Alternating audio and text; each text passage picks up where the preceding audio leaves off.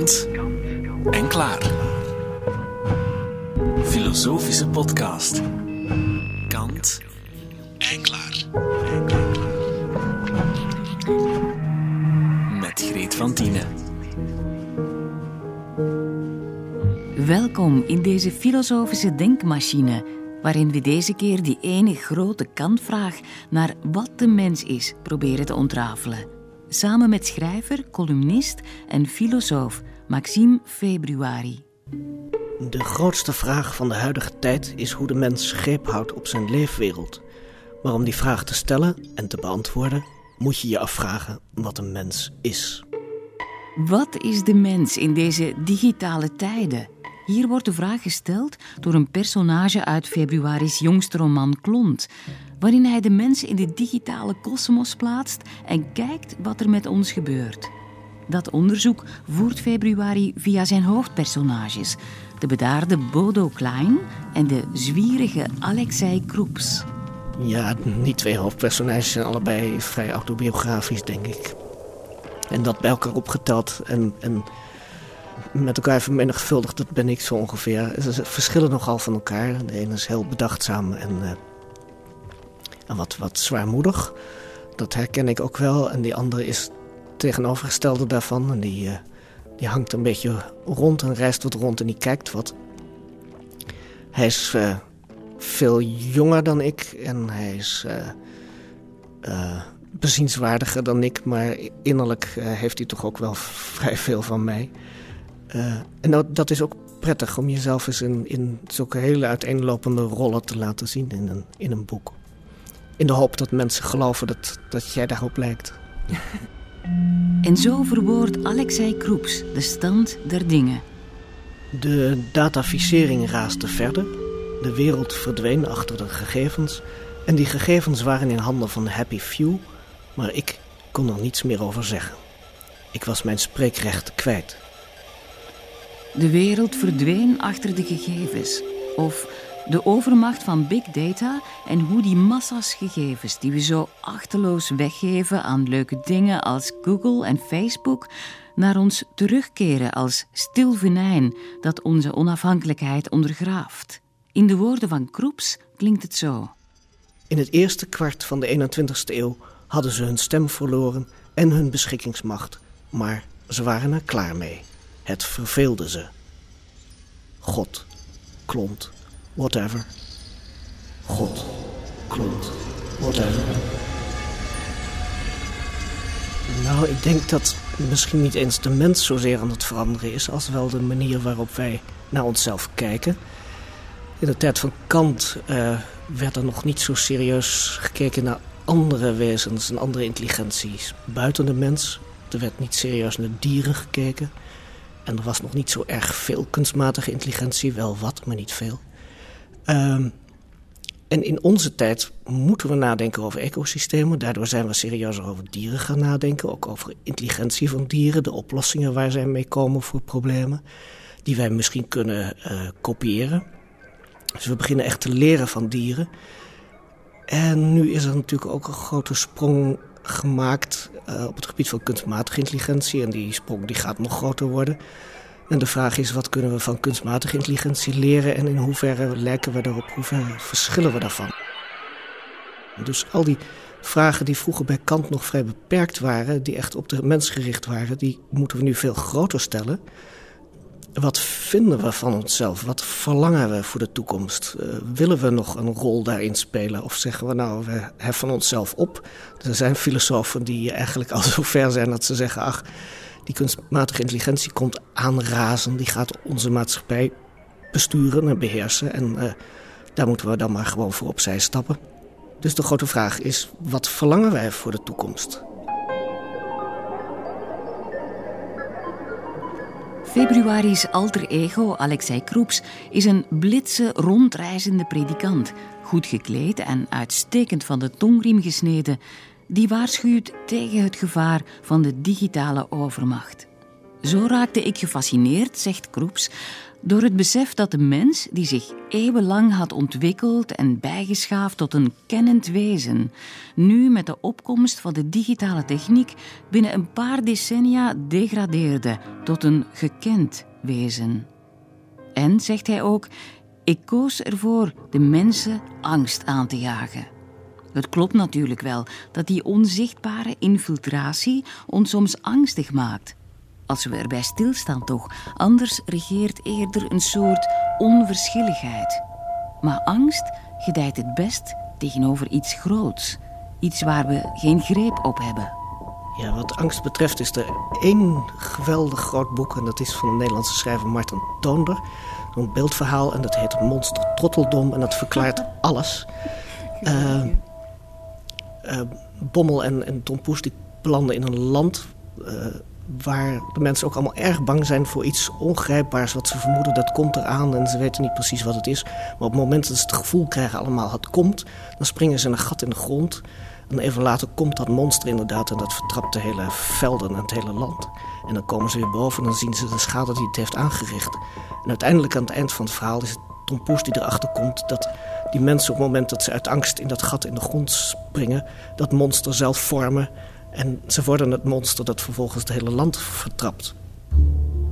Ik begrijp het niet. Hoe kunnen ze nu voelen dat het monster komt wanneer het monster niet bestaat? Het was geen echt voorgevoel. Ze noemden het zo als ze om iets erg opgewonden raakten. Wij, wij begrijpen het niet. De meerderheid hier heeft ontdekt dat wij zelf het monster zijn. Hoe kan dat? Wij zijn een voorgeraakt volk, eendrachtig en eensgezind. En nu dit? Hoe komen we zo gek? Ik denk dat dat de beste verklaring is voor angst en de schade die angst veroorzaakt, die ooit geschreven is. En dat geldt nu ook wat wij. We zijn bang voor technologie die aankomt stormen. En uit angst daarvoor gaan we allerlei beleidsbeslissingen nemen die precies zorgen dat dat waarvoor we zo ontzettend bang worden, dat dat gaat gebeuren. Want uiteindelijk, de schade die wij gaan krijgen, komt niet voort uit technologie, maar uit uh, het gebruik van technologie, onze inzet ervan. Message received. Message sent. Heel veel mensen die ik spreek zeggen... eigenlijk wil ik geen Facebook-account, maar ik heb er toch geen. En uh, dan zeg ik steeds... je kunt zien op deze manier hoe makkelijk mensen in totalitaristische regimes... achter het regime aanlopen. Je weet dat je het niet zou moeten doen. Je weet dat het mis is en toch doe je het. Dus uh, op wat dat betreft is dit wel een interessante tijd... omdat je precies kunt zien hoe zoiets tot stand komt. Dus u vergelijkt die, die digitale macht die ontstaan is... met een soort totalitair regime... waaraan wij als vanzelf, alsof het natuurlijk was, gaan gehoorzamen. Ja, ik, ik wil nog niet eens zeggen dat ik dat ermee vergelijk met het totalitaire regime. Ik denk dat het het is. Ik denk wat Google en Facebook nu aan het opzetten zijn. En, nog drie, dus Frightful Five zoals ze heten. Uh, dat zijn totalitaire regimes. Welcome to our room. Please come in and enjoy your stay. En het nadeel van het werken met puur en alleen maar gegevens is dat je de, de eigenheid ook kwijtraakt. Want in feite wordt daardoor iedereen gelijk. Je kunt gegevens op één hoop gooien, je kunt door elkaar klutsen. Je kunt er een grote gemene deler uithalen. En je bent de, de eigenheid, de uniciteit van, van mensen en kinderen uh, volledig kwijtgeraakt. En dat is ook de reden waarom ik heb gezegd... ik wil een roman schrijven. Wat, wat een roman doet, is precies... Um, het democratische effect van een roman is dat je in het hoofd van een romanschrijver duikt. Als je mij ziet rondlopen, dan zie ik er heel saai uit.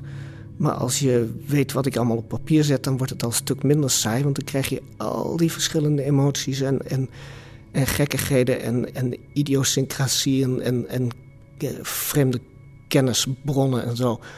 Uh, allemaal naast elkaar en dwars door elkaar heen en met elkaar. En dat, die complexiteit van iemands innerlijk, die krijg je in een roman heel goed uh, op papier. En die krijg je heel erg slecht op papier wanneer je data gaat verzamelen over schoolklassen. Dus ik heb heel sterk die roman tegenover die datafisering gezet. Die roman die laat, de gekkigheid zien van ieder individu. En ehm, de innerlijke rijkdom, de complexiteit. En precies die innerlijke rijkdom is iets wat ik mijn hele leven, mijn hele oeuvre gaat daarover. Om, in een poging om dat zowel te laten zien, hoe die werkt, als te behouden ook binnen de wetenschap. Zoals mijn wetenschappelijke proefschrift ging daarover. Hoe houd je die innerlijke rijkdom van een mens overeind wanneer je wetenschappelijke modellen maakt?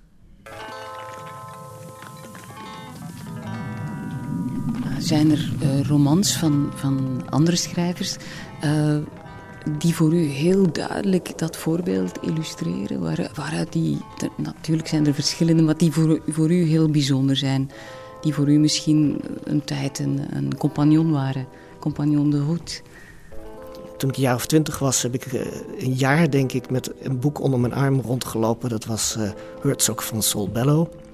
Een boek dat altijd bij je is, alsof je met je ziel onder je arm loopt. Dit is ook een verwijzing naar de tijd toen Maxime nog Marjolein was. Een jonge, zoekende intellectueel die filosofie en rechten studeerde en het diepe besef had dat hij in het verkeerde lichaam woonde, in dat van een vrouw.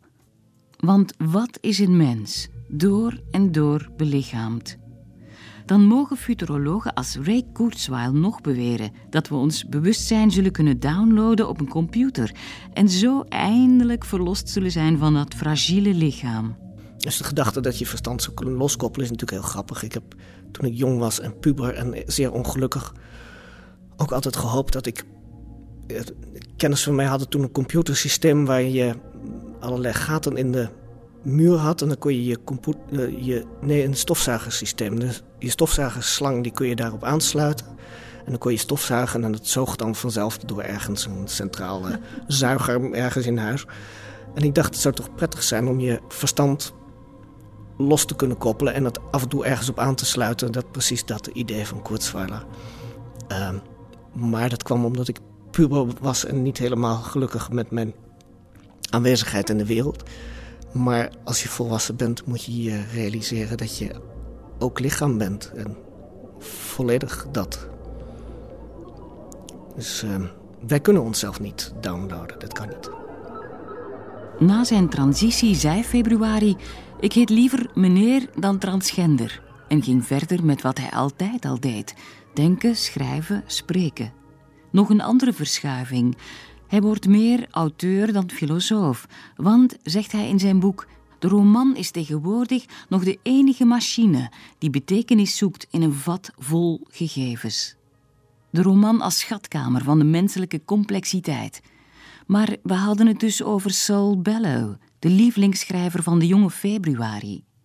Hier Bellow in een oud tv-interview over wat een schrijver dan wel is. What is a writer? Who is a writer? Well, what kind of explanation do you want? The Soci- serious one. the sociological one? No, the literary one. Well, it's a person who lives by his imagination. Imagination not being the, what people call the fancy, but imagination being the fundamental, and I would say godlike or divine, divinely inspired reaction to one's to the strange fact that one is a human being living uh, who has appeared suddenly from where he doesn't really know. For how long he doesn't really know either. Een prachtige definitie van wat verbeelding is voor een schrijver en voor ons allemaal. Verbeelding als de fundamentele reactie op het vreemde en mysterieuze feit van het mens zijn. Saul Belleus' roman Herzog vertolkt die verwarring. En daar kom je echt midden in iemands innerlijke chaos te zitten. Herzog is op dat moment uh, niet helemaal in goede doen, want uh, zijn huwelijk is misgelopen. En uh, hij heeft allemaal vrouwenproblemen. En, en het, het, verhaal doet er eigenlijk niet eens zo erg toe. Maar als je ziet welke kanten zijn gedachten allemaal opspringen... dan is dat heel prettig om, om, om dat mee te beleven om in dat hoofd te kunnen kijken. Want Sol Bello was aan de buitenkant ook niet zo spectaculair, maar uh, aan de binnenkant wel. Hetzelfde geldt voor uh, The Human Stain van Philip Roth, dat ook zo'n heel groot boek is, waar je uh, van denkt, het, los van het boek zelf en waar het over gaat, het, eigenlijk is daar het boek niet eens, doet er niet zo erg toe, maar het hoofd van de auteur. Het geruststellend is dat er iemand rondloopt die dit allemaal in zich bergt. En dat is meteen het democratische effect van romans. Dat je, als je over straat loopt, dan denk je het zijn allemaal makke schapen. Maar als je leest wat mensen opschrijven op het moment dat ze romans schrijven, dan zit er zoveel aan, aan diversiteit in één persoon al. De roman als vrijhaven en onderzoekslaboratorium. Als magische formule ook. Dat is altijd al Maxime's adagium geweest. Ook toen hij nog als Marjolein februari bekend stond. Hier in een interview op VPRO Radio. Ik houd heel erg van kunstenaars, schrijvers die in staat zijn om uh, levensangst om te zetten in een soort levensdrift. Ik noem dat altijd de triomf des blijdschaps. Uh, wat je vooral ziet bij iemand als Honderdwasser. Mensen als uh, Lewis Carroll. Um, Alice in Wonderland. Dat is Alice in Wonderland ja. is, is het ultieme, ultieme kunstwerk. Um, Honderdwasser heeft dat ook heel erg sterk. Waarbij je... Um, Honderdwasser was trouwens ook iemand die heel erg ingetogen leeft... en afgezonderd van de wereld en, en tamelijk monnikachtig. En die dan toch hele, hele kleurige, feestelijke, blije dingen maakt. Ik vind dat een van de belangrijkste functies van de kunst. Dat je weliswaar ergens vandaan komt waarvan je zegt... er mist van alles, moreel is er van alles los. Maar ik kan nu iets gaan maken wat het beter maakt, wat het heel maakt. Ik kreeg ooit de vraag van iemand die uh, heel graag zwom. Die, die vrouw die deelde iedereen in, in welk element ze meest thuis waren. Sommigen het meest op het land en anderen meest in het water. En voor mij is dat dan toch wel uh, de schrijftafel waar ik uh, het gevoel heb dat ik het meest tot leven kom. Omdat juist in dat schrijven je, ik althans het meest kan laten zien van wie ik ben. Wat me ergens anders veel moeilijker lukt. En uh, dat hele idee van, van uh, zelfverwerkelijking is toch altijd wel waar veel mensen naar op zoek zijn. En iedereen vindt dat weer ergens anders. En bij mij is dat in het, in het schrijven.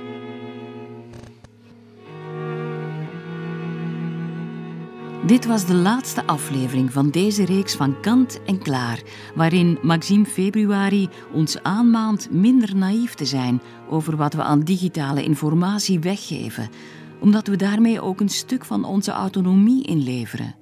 Hij breekt ook een lans voor de roman als laatste vrijhaven, voor de complexiteit van de mens. Dus laat ons vooral blijven lezen en blijven denken.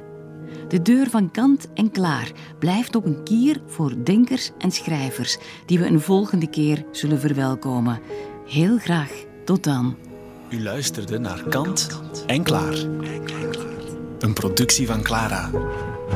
Kant en Klaar.